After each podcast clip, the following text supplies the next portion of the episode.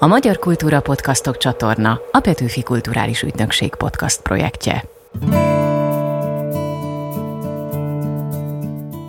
Ez a Talpig Magyar, a Petőfi Emlékév hivatalos podcastje, Rédl Ádám vagyok. Ebben az epizódban Petőfi nyelvén beszélünk nemzetünk költőjéről – Megvizsgáljuk irodalmi hagyatékát egy rokon lelkű költő utódja tükrén keresztül, megtudjuk, hogyan lehet a verseit idegen nyelvekre átültetni, és kiderül az is, miként vitték hírét rádióamatőrök az éterben, ahogy a reformkor nyomot hagy. Műsorunk szlogenjéhez híven, remélem ezúttal is akad jó néhány olyan gondolat, amin érdemes lesz majd tovább töprengeni. Kiderítjük, vajon mi a kapcsolat Juhász Ferenc és Petőfi Sándor között. Hogy ő, azaz Petőfi az út, önmagunk és a jövendő felé. Megtudjuk, hogy más nyelveken is megélnek-e a Petőfi versek. Minden lefordítható. Itt a gondot inkább az okozza, hogy megszólaltatható-e olyan nyelven, amely az adott kultúra költői beszéd hagyományának megfelel. És belehallgatunk egy rádióamatőr felvételébe, ami választad arra, hogyan jutott el Petőfi egészen Japánig a rövid hullámokon keresztül vagyok, szia, minden jót, Hedin Gusztáv 200-as Olga Tamás. Petőfi nyelve a mi nyelvünk. Szóljon hozzánk ma is itt, a Magyar Kultúra Podcastok csatornán. A Más Petőfi az enyém című kötet két költő, a 95 éve született Juhász Ferenc és a 200 éve született Petőfi Sándor életét és életművét helyezi egymás mellé. Hét fejezetében a költő előtthöz szóló, őt elemző vagy megidéző lírai és prózai írásokat, eddig sosem látott kéziratokat, első közléseket olvashatunk. Milyennek látta Juhász Ferenc Petőfit? És miért számít már a könyv borítója is kuriózumnak? Erről is kérdezem Juhász Anna irodalmárt, a kötet egyik szerkesztőjét, akit épp Brüsszelben értünk el. Szia Anna!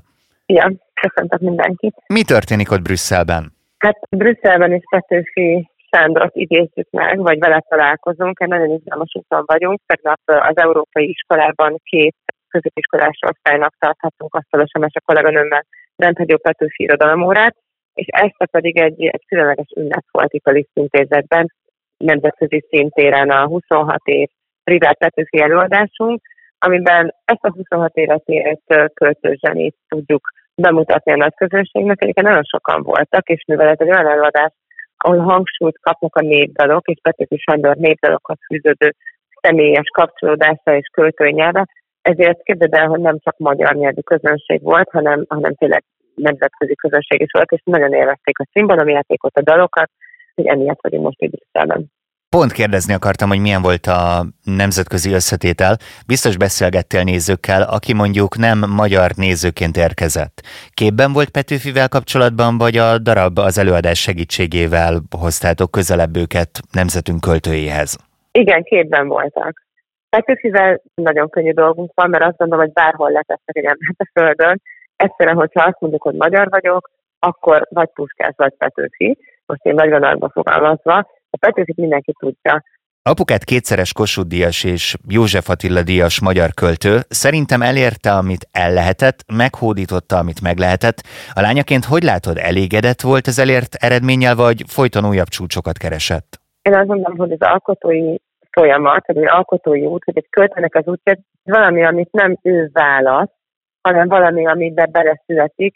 Édesapám nagyon küzdelmes élete volt, nagyon korán felismerte, hogy az írással szeretne foglalkozni, és ezért nagyon sokat tett. Egy nagyon céltudatos, érzékeny ember volt, aki tényleg haláláig prózaversben, cikkben, eszében és hosszú versekben is visszatér a költő előtt Sándorhoz. Kíváncsi vagyok arra, hogy milyennek látta Juhász Ferenc Petőfit, és ami leginkább érdekel, hogy mitől más az ő Petőfie, mint mondjuk az enyém. azt nem tudom, talán a más Petőfi ez kétféleképpen is értelmezhető. Az egyik, hogy más, mint egy kanonizált hősé. Minden időszakban talán az a legnehezebb, vagy legizgalmasabb hívás, hogy hogy tudjuk a saját arcunkra formálni azt, hogy szervezetekhez ragaszkodunk, hogy tudjuk megtalálni benne önmagunkat, hogy lesz valami a miénk, és nem az, amit mondjuk a legtöbben mondanak, vagy amit ránk erőszakolnak. Fiatal fiúként valóban megfogalmazza, hogy más Petőfi az övé, ő egy nagyon tiszta, harcos Petőfinek érezte magát, és nagyon érdekes, hogy a saját alkotói pályája elején már Tehát amikor az 50-es években ugye írni kell, Kossuth díjat kap, és a 60-as évektől már igazán egy jelentős befutott költőnek számít, akkor rendben jelennek meg azok az irodalom történeti tanulmányok, többek között a vajdasági származású borévrészről, akik leírják azokat a kapcsolódásokat, ami Juhász Ferenc egy Petőfihez fűzik. Sőt, ő olyan esztécikkeket is, eszté tanulmányokat is ír, amiben Petőfi verseit elemzi, és ugye azt mondja, ami talán egy kulcsmondat, hogy Petőfi a forradalom és az ifjúság az emberiség legszebb álma. Ugye ezt azért mondja, mert Petőfi valaki volt, aki tudott harcolni az álmaiért, ami neki ugye a legmagasabb erő, az a szabadság volt. És azt mondja Juhász Ferenc, hogy aki az ő verseit veszi a kevébe, soha ne felejtse, hogy ő, azaz Petőfi az út, önmagunk és a jövendő felé. És szerintem ez egy nagyon fontos mondat, mert kitágítja azt, hogy mit jelenthet Petőfit olvasni, ezt elemeli Petőfi valóban mindenkiért harcol, de ha letettük ezeket a pártoszos mondatokat, akkor azt tudjuk felfedezni benne, hogy ennek a fiatal srácnak, aki tizenévesen elindítja a költői pályafutását, és tényleg egy fiatal fiú, őnek ma is ezzel a középiskolákban, egy, egy ilyen fiú volt, elindítja a költői pályáját, és ebben az alig 7-8 évben olyan verseket ér, amiből mi ma akár 2023-ban is táplálkozni tudunk, hogy hogy nézzünk egy családot, hogy hogy nézzük az otthonunkat, hogy hogy nézzük Magyarországot, hogy hogy tekintsünk a saját szabadságunkra. Hogyha Juhász Ferencet és Petőfi Sándort párhuzamba állítom, akkor Hát igazából szerintem Juhásznak inkább egy Arany Jánosi sors jutott, de pont ezért izgalmas a könyvvel kapcsolatban, ugye a Más Petőfi az enyém című kötettel kapcsolatban, hogy Igazából itt Juhász különböző életszakaszaiból szól a költő előthöz az őt elemző vagy megidéző lírai és prózai írásokkal. Mennyiben változott Juhász Ferencnek a képe Petőfiről így az évek során? Sokat változott, de vannak olyan dolgok, amik mindig megmaradtak, tényleg ez a tiszta forrás jelleg, de egyébként nagyon érdekes, hogy képzeld el, hogy a, a fiatal Juhász Ferenc nagyon hasonlított Petőfire, és sok olyan képzőművészeti alkotás van, amin Juhász Ferencet vették alapul Petőfihez, ilyen vagy uh-huh. a Ferenc Béni, aki az ő pót édesapja, és akár megnézzük a Petőfi szobrát, például ami a Petőfi Irodalmi Múzeumban áll, ugye az udvaron, vagy azokat a plaketteket, amin Petőfit ábrázolja Ferenc Béni, ugye ez közismert, hogy az Iván Ferenc volt az alap. De ez most csak a külső jegyet. Hasonlítottak egymásra. Lelki alkatban is hasonlítottak egymásra. Ha az életművet nézzük, akkor vannak egészen korai versek, és ugye készített egy vers válogatást is Juhász Ferenc szépirodalmi kiadó felkérésére, és meg is fogalmazza, hogy nagyon nehéz mit kihagyni, mert annyira fontosak az ő versei. Aztán pedig elindul a pályájában a Petőfit megszólító prózaművet vagy versek sora, és vannak olyan versek, mondjuk nézzük a csillagválasztókat, ami egy-egy évet és az ott történteket emelik ki. Ezért is nagyon érdekes ez a könyv, mert kéziratokat láthat benne a gépelt szöveg mellett az olvasó. Ez egy talán kevésbé ismert rendezési elv, hogy maga a kézirat is látható minden hibájával, áthúzásával, jegyzetével együtt, és ugye Juhász Ferenc a kéziratokra jegyzetelt, tehát azt hiszem, hogy az irodalom történeti szempontból is egy különlegesség, hogy bele lehet látni az alkotó folyamatokba, de még olyan is ki van emelve, hogy hány cigarettát szívottál, tehát minden hmm. ír és minden jegyet ezeken a kéziratokon, és ami még talán nagyon-nagyon fontos, és természetesen mindig ott van, amit megidéz Juhász Ferenc, azt Petőfitől is elolvashatjuk. Említetted ezeket a kéziratokat, illetve a jegyzeteket. Ezt te gyermekként láttad, ahogyan apukát készíti, és mesélt neked közben Petőfiről? Én nagyon szerettem a, a munkafolyamatnak a részesévé válni, ha csak annyira is, hogy mondjuk ha beteg voltam a suliba, akkor ott ültem apukám mögött a fotálban, és csöndben néztem, ahogy születik a mű, ez egy ilyen nagyon érdekes és nagyon megható folyamat volt, ahogy láttuk az ő hátát gyerekkorunkban, ugye mögötte ültünk, és ő dolgozott. Úgyhogy része volt az életünknek az alkotás, és azok a költőelődök is igen, van téve az Egresszi Gábor Szilárd dagarotipia az íróasztala fölött, Tóth és József Attila és Dante képei mellett. Úgyhogy abszolút ezek a mítoszok és ezek a olvasnivalók ott voltak velünk nagyon korántól már, és beavatott minket a történetekben is, meg a versekben is, még mindig közösen olvastunk, és mindig megszólítottuk ezeket a költőelődöket, feltettünk neki kérdéseket, és együtt gondoltuk át, hogy mit válaszolnának. Úgyhogy ilyen játékos formában is tanultunk. Miért számít ez a könyv egy adósság törlesztésének? Valahol ezt olvastam, hogy így nyilatkoztál róla. Adósságot törlesztünk vele, tényleg azért, mert Juhász Ferenc mindig tervezett egy Petőfi könyvet, de ez nem született meg. Versek születtek, prózai vagy akár drámai művek születtek, de maga a könyv nem jött létre. Nagyon sok érdet van, amiben megírja, ezt is befotóztuk, és benne van a könyvben, hogy megírandók, hogy ott van a Petőfi könyv, a Petőfi könyv. Ez neki egy konkrét cél volt.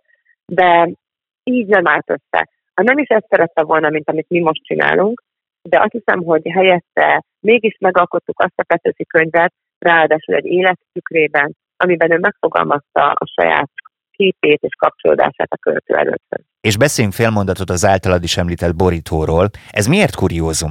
Azért kuriózum ez a borító, ez Szentó Piroskának a képe, szintén az 50-es években Juhász Ferenctől, mert Szentó Piroskának is Juhász Ferenc volt a modellje, akár amikor Arany János meseit illusztrálta, akár amikor János hitét, és mindig le is írja, idézetben is, hogy Juhász Ferencnek köszönöm modellennek, mert hogy róla mintázta meg Petőfit, és előkerült egy olyan picike kis festmény, ami Juhász Ferenc Petőfiként szerepel, és úgy éreztük, hogy semmi más nem lehet jobb címlap, mint ez a kép, ami tökéletesen ábrázolja ezt a költői lelki találkozást, és ezt a összefonódást, amivel Juhász Ferenc Petőfihez kapcsolódik. Úgy hallottam, hogy nálatok még I. és Gyula is megfordult. Szerinted apukád jól kijött volna Petőfivel? Igen. Gyula nagyon fontos. Egy korai emlékem van, ugye 83-ban halt meg. Gyula, tehát tényleg csak a leg, legkorábbi gyerekkori élményem van vele kapcsolatban. De hát. Gyula volt, akire apukám mindig hivatkozott, hogy legutoljára ő fogalmazta meg érvényesen Petőfit. Ennek a korszaknak, ugye akár Ilyesnek, Juhásznak, Nagy Lászlónak, Csóri Sándornak nagyon fontos volt Petőfi Sándor, és azt hiszem, hogy ők mind jól kijöttek volna. Csak azért forgattam ezt a kérdést a fejemben, mert kíváncsi volnék, hogy mondjuk két ilyen lánglelkű költő megfér egy csárdában vagy egy nappaliban, de akkor ezek szerint igen? Szerintem igen, és nagyon érdekes, hogy Juhász Ferenc azt az eszmét, amit Petőfi elkezdett a szabadságról 1848-ban, azt ő 105 évvel később a saját kiemelkedő alkotásában, a Dózsápotban, a Tékozlóországban fejezi be, és ezek a gondolatok, amit mondjuk mond Petőfi, hogy ó, szabadság, hadd nézzünk szemedbe, oly sokáig vártunk rá lepetre. Ez gyönyörűen fejezi be Juhász Ferenc. Ó, ember, a hitedet nevetítsd el, őrizd meg a lélek nagy hitét, ha kell, hát százszor újra kezdjük vállalva ezt a legszebb küldetést, mert a szabadság a legtöbb, amit adhat magának az emberiség. És én azt gondolom, hogy így érnek össze költői életművek, és így tudjuk igazán jól megérteni a magyar irodalmat.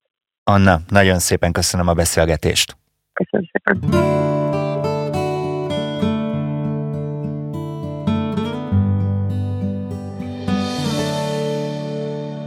Petőfinek már életében, szinte verseinek keletkezésével egy időben jelentek meg fordításai.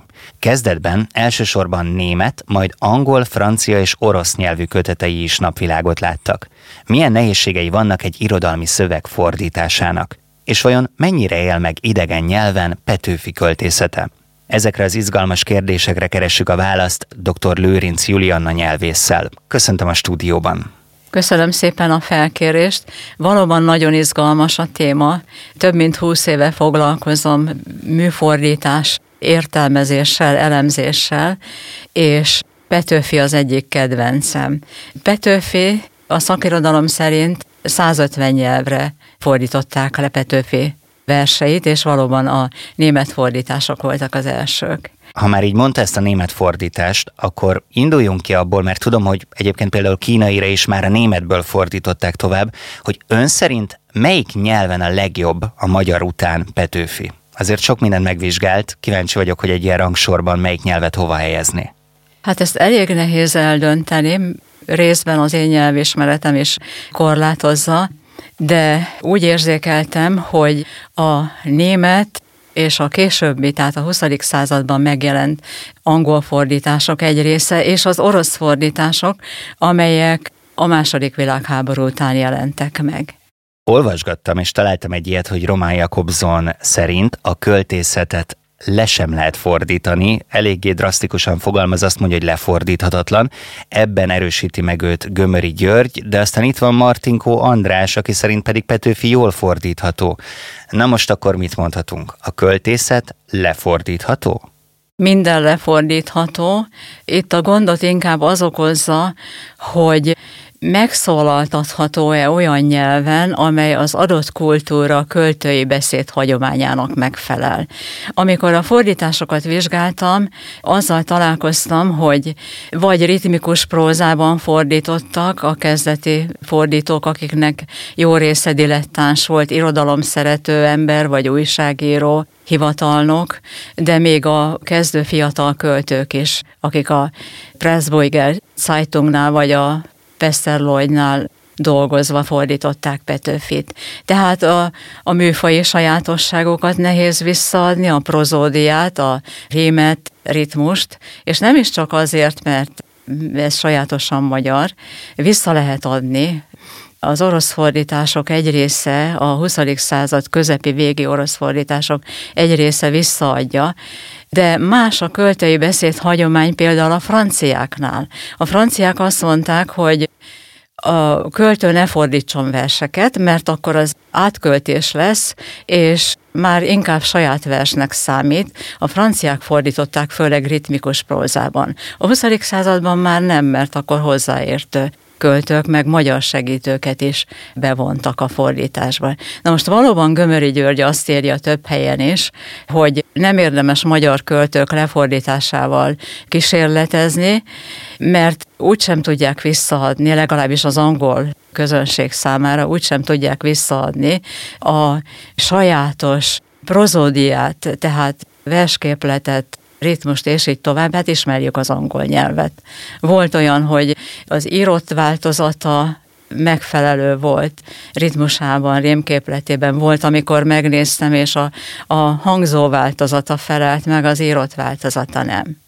Nagyon izgalmas volt számomra, hogy vizsgálgattam a tanulmányát, ön a szlovák fordítást mélyrehatóan elemezte, és hát ezzel kapcsolatban egy kis előinformáció, hogy a szlovák értelmiség többnyire tudott magyarul, tehát legtöbbször eredetiben olvasta, de olyan problémák is voltak, hogy a 19. század végén azt mondták, hogy elmagyarosodott Petőfi, és hogy ezeknek a verseknek igazából szlovákul kellett volna megszületniük.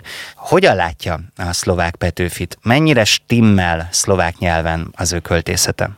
Na most azt, hogy Petőfit renegátnak tartották, mert szlovák származású szülői házból jön, és ő magyarnak vallja magát, sokféle támadás érte azokat, akik megpróbálták fordítani, de végül is születtek jó fordítások.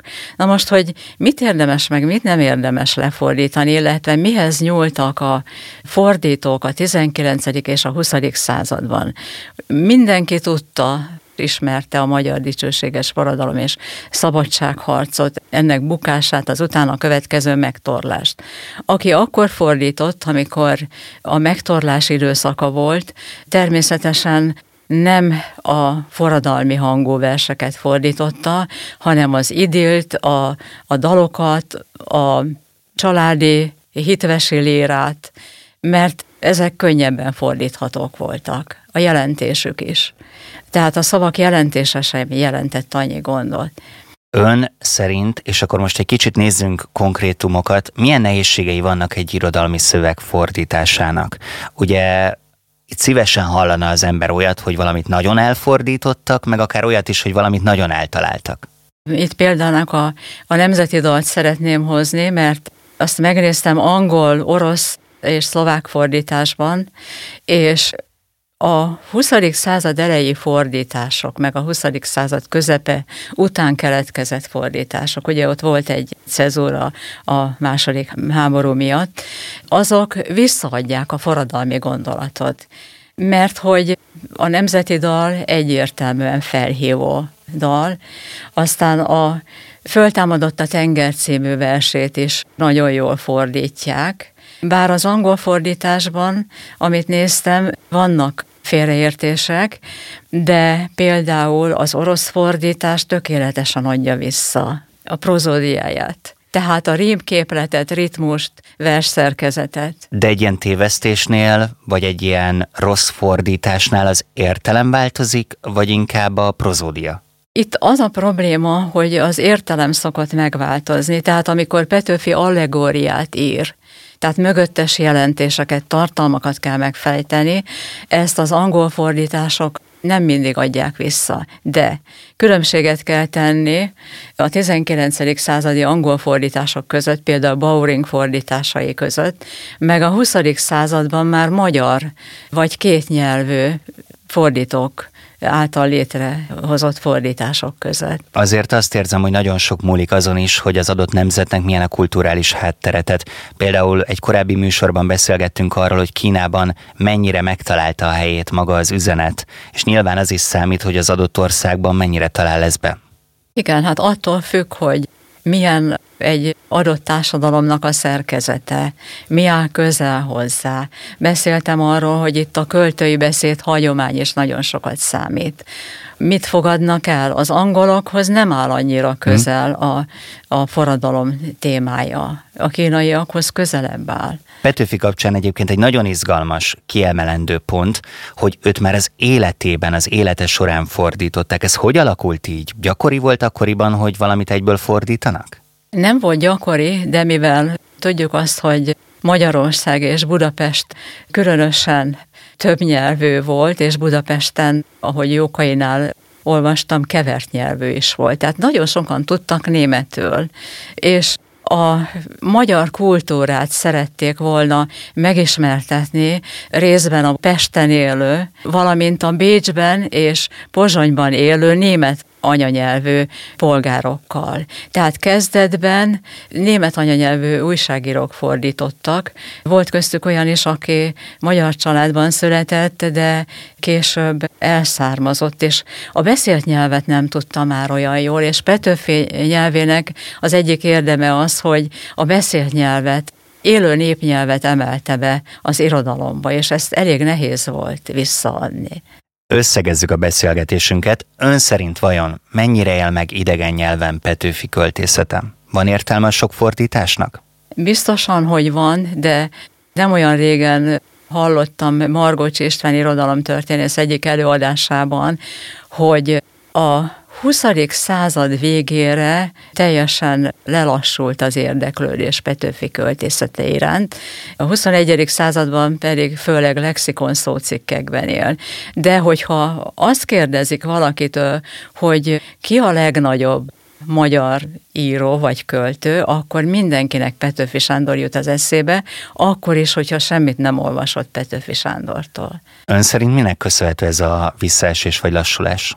A régi magyar irodalom iránti érdeklődés miatt. Úgyhogy ráadásul Petőfi viszonylag modern nyelvhasználattal bír, tehát elég jól érthető ma is. Igen, tehát azt a nyelvet használja, amely a nyelvújítás után kialakult, és több mint ezer nyelvújítási szót is használ, amelyeknek nagy része megvan a mai magyar nyelvben, és nagyon élő a nyelve. Kijelenthetjük, hogy Petőfi külföldön, tehát a fordítottak között a top 1, vagy mondjuk a top 3-ban van? Hova helyezni a rangsorban?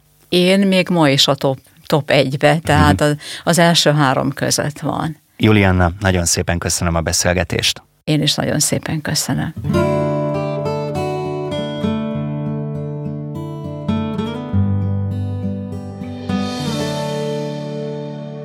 Petőfi eljutott Japánba is a rádióamatőrök körében is népszerű Petőfi Sándor. Több mint 22 ezer összeköttetés létesült a Petőfi emlékév apropóján indított aktivitásban. A világ rádióamatőrjeit lázba hozó Petőfi diplomáról Bíró László, azaz Helén Aladár 8-as Robert Dénes mesél nekünk. Köszöntelek a stúdióban. Szia, köszöntelek, és köszöntöm a hallgatókat. Talán induljunk a laikus oldalról. Mit csinál egy rádióamatőr, mi az ő célja? A rádiamatőr az, hát fogalmazhatnám úgy, hogy hobbi, sport és készenléti kommunikáció. Szóval tudjuk azt, hogy hobbiként nagyon sokan hallgatják, rádióznak, kitelepülnek, expedíciókra elmennek. A sport az itt a Magyar Rádiamatőr Szövetség több kategóriában is versenyeket indít, úgy a tájfutás, úgy a rádiamatőr versenyek, ezek távírók, fónia versenyek, és amit fontos megemlíteni még, hogy a készenléti kommunikáció, ugye, hogyha infrastruktúra összeomlik, akkor egyedül csak a rádiamatőr és a honvédség, aki tud valamit ezek után fölállítani és tud kommunikációt létesíteni. Itt példa megemlíteném a mostani török földrengést is, hogy a rádiamatőrök segítségét vonták be a vészhelyzetbe. Tehát ez az, amit mondjuk a Die Hard negyedik részében láthatunk, hogy amikor már minden rendszer, minden szisztéma, minden összedől, na akkor ezzel még lehet kommunikálni, mert nem igényli azokat a rendszereket, amik ilyenkor szétzuhannak. Milyen van egy rádióamatőrnek otthon? Úgy képzeljelek el, hogy ülsz mondjuk egy pince helyiségben, és van előtted egy ilyen régi rádió, és ezt tekergeted, és egy mikrofonnal próbálsz hozzászólni másokhoz a világ más pontjain, vagy ez már számítógépen történik. Mit csinálsz, amikor ezt a hobbit vagy sportot űzöd? Hát egyik nagyon fontos a rádiómatőr hobbinak az egyik fontos kelléke az antenna. Egy nagyon jó antenna kell, egy adóvevő antenna, utána egy adóvevő készülék, és nyilván jó terjedés. Tehát mondjuk oda leülsz, és az a jó, hogyha te azt ott tekergeted, és egyszer csak valakit meghallasz a túl végen, vagy, vagy konkrétan egyeztettek előtte, hogy most a német barátodat hívod, és akkor ő pont ott van. Mennyire mázli ez, hogy kivel kapcsolódsz össze? Hát ez az izgalom, és ez a érdekesség rádiamatőr hobbiban, hogy leülök és tekergetem, vagy általános hívást adok, és kíváncsian várom, hogy kihallja meg a világban, és meghallja Új-Zélandon a hasonló frekvencián lévő amatőr, és visszaszól, hogy szia barátom, uh-huh. veszlek, hallak és üdvözöllek. Pont két hete adtam el egy mikrofont egy srácnak, aki ugyanezzel foglalkozik. Kiderült számomra, hogy nagyon komoly közösségetek van, talán két hetente összejártok egy bőrzén is, tehát hogy tényleg ebben elég sok ember részt vesz és érdeklődik ez iránt, és ő mondta, hogy ennek azért van elég sok előnye is amellett, hogy élmény, mert hogy mindenféle kérdőíveket kitöltötök, hogy milyen erős a jel, hogyan működik a kommunikáció, de te mikor vagy boldog? Tehát mondjuk azt mondjuk, hogy most leülsz és két órát ezzel foglalkozol. Mikor állsz föl két két óra után úgy, hogy na, ez most jó volt? Érdekes a kérdés. Boldog akkor vagyok első körön, mikor megcsináltam összeköttetést, akár egy nagyon távol DX-el, és másodszor akkor vagyok boldog, hogyha megkapom a visszaigazoló lapját. Ugyan tudni kell, hogy a rádiamatőrök a összekötetés után logot vezetnek. Szóval visszamenőleg évekre meg tudom mondani, hogy ki, mikor, kivel rádióztam, és ennek a, az eredménye az, a habatortán az, mikor ő elküldi az ő visszaigazoló lapját, a QSL lapját. Mi az a Petőfi aktivitás? Mi köze Petőfinek a rádióamatőrökhöz?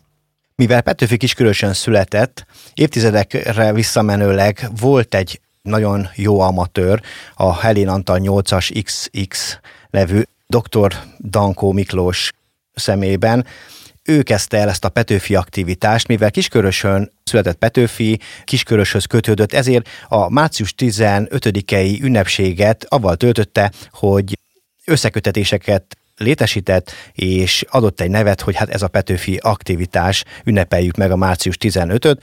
Ennek kapcsán ő állított ki egy oklevelet, és ez hát sok éven, sok éven keresztül működött és ment. Tehát akkor a H a Magyarországra vonatkozik Igen. aztán?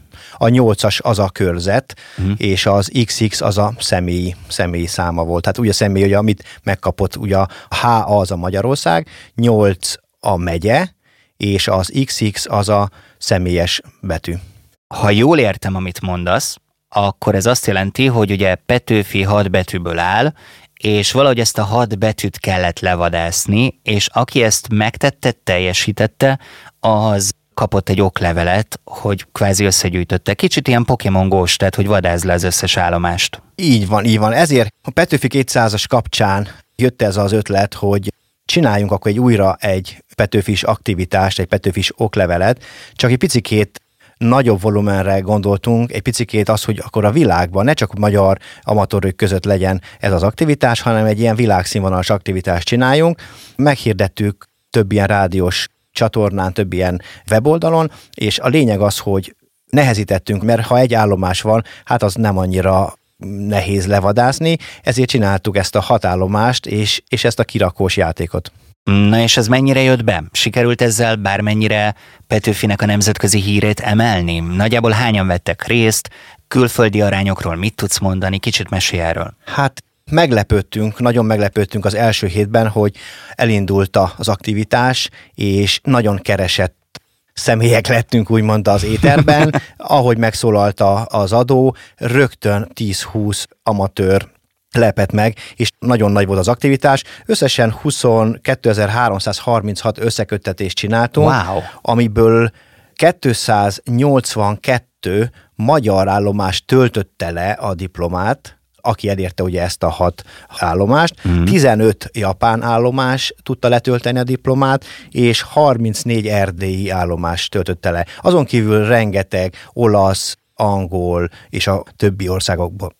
Azt hiszem, hogy ez eléggé sikeresnek nevezhető. Ha jól tudom, valahol láttam, hogy nagyjából ilyen ezer diplomát osztottatok ki, tehát hogy tényleg szépek ezek a számok. A magyarokat simán megértem, az erdélyeket úgy szintén, de a japánok? Ők honnan tudtak erről, vagy miért érdekelt őket egyáltalán? A Japánban lévő magyarok voltak, akik részt vettek ebben? Azt tudom, hogy Kínában Petőfi népszerű, na de hát Japánban. Igen, nem mondhatni azt, hogy Japánban élő magyarok voltak, hanem amatőrök. Szóval itt nem mondhatom azt egy japánra se, hogy magyarul tud. Tehát a kihívás és a vadászat motiválta őket. Az is, az is, és valamit csak hallottak Petőfiről, valamit csak tudtak, hogy tisztelték, és nagyon érdekelte ez az aktivitás. 22.336 összeköttetés, azt gondolom, hogy sikeresnek mondható ez a kis megmozdulás, hogy ennyien megismerték Petőfit és Kisköröst, ha csak egy kis ideig is, amíg az összeköttetés megszületett, és talán meg is nézték a rádiós weboldalt. Joggal kérdezem, terveztek-e folytatást? Nyilván igen, tervezünk. Sajnos az idei évben elmaradt a 15 aktivitás, de még él a Helén Géza 200 Petőfi Sándoros hívójel, és szeretnénk ezt újra megújítani, és szeretnénk persze nyilván folytatni. Egy különlegességgel készültünk így a beszélgetés végére. Én mindig nagyon szeretem a gyakorlati példákat, és hoztál nekem egy bejátszást. Kérlek, mondd el, hogy mit fogunk hallani, és ezáltal hogyan kerülhetünk közelebb ahhoz a világhoz és közösséghez, amelynek tagja vagy. Ez a beszélgetés, amit most hallani fognak, amit bejátszunk, egy fölvett pillanat a sok közül, mikor ugye összekötetés létesít az egyik amatőr a, a másikkal, és a Petőfi aktivitás hívójelével rádiózik, és nagyon sok idő nincsen itt beszélgetésre, itt csak riportot osztogat, és elmondja, hogy ő ki, honnan van, és a riport és tulajdonképpen a minden igaz, itt pont egy katolikus papnak a rádióamatőr akcióját hallhatjuk, ahogyan kapcsolatot teremt valakivel. Igen, ő az Attila, a Helén Antal 8-as Robert János. Igen, Ti ő... egyébként névről is ismeritek egymást, vagy csak így? E, hát nagyon, nagyon sok embert, meg tényleg, hogy a világban is nagyon sokat úgy ismerünk a hívójeléről. A hívójel az már mindent elárul, szóval az már a, olyan, mintha a neve volna. Na, mutatom a részletet. Kiskövesről vagyok, szia, minden jót, Hedin Gustav 200-as Olga Tamás. Hotel Germany 200 India Tango, Hotel Germany 200 India. Elégízve egyes Ugun Nelly.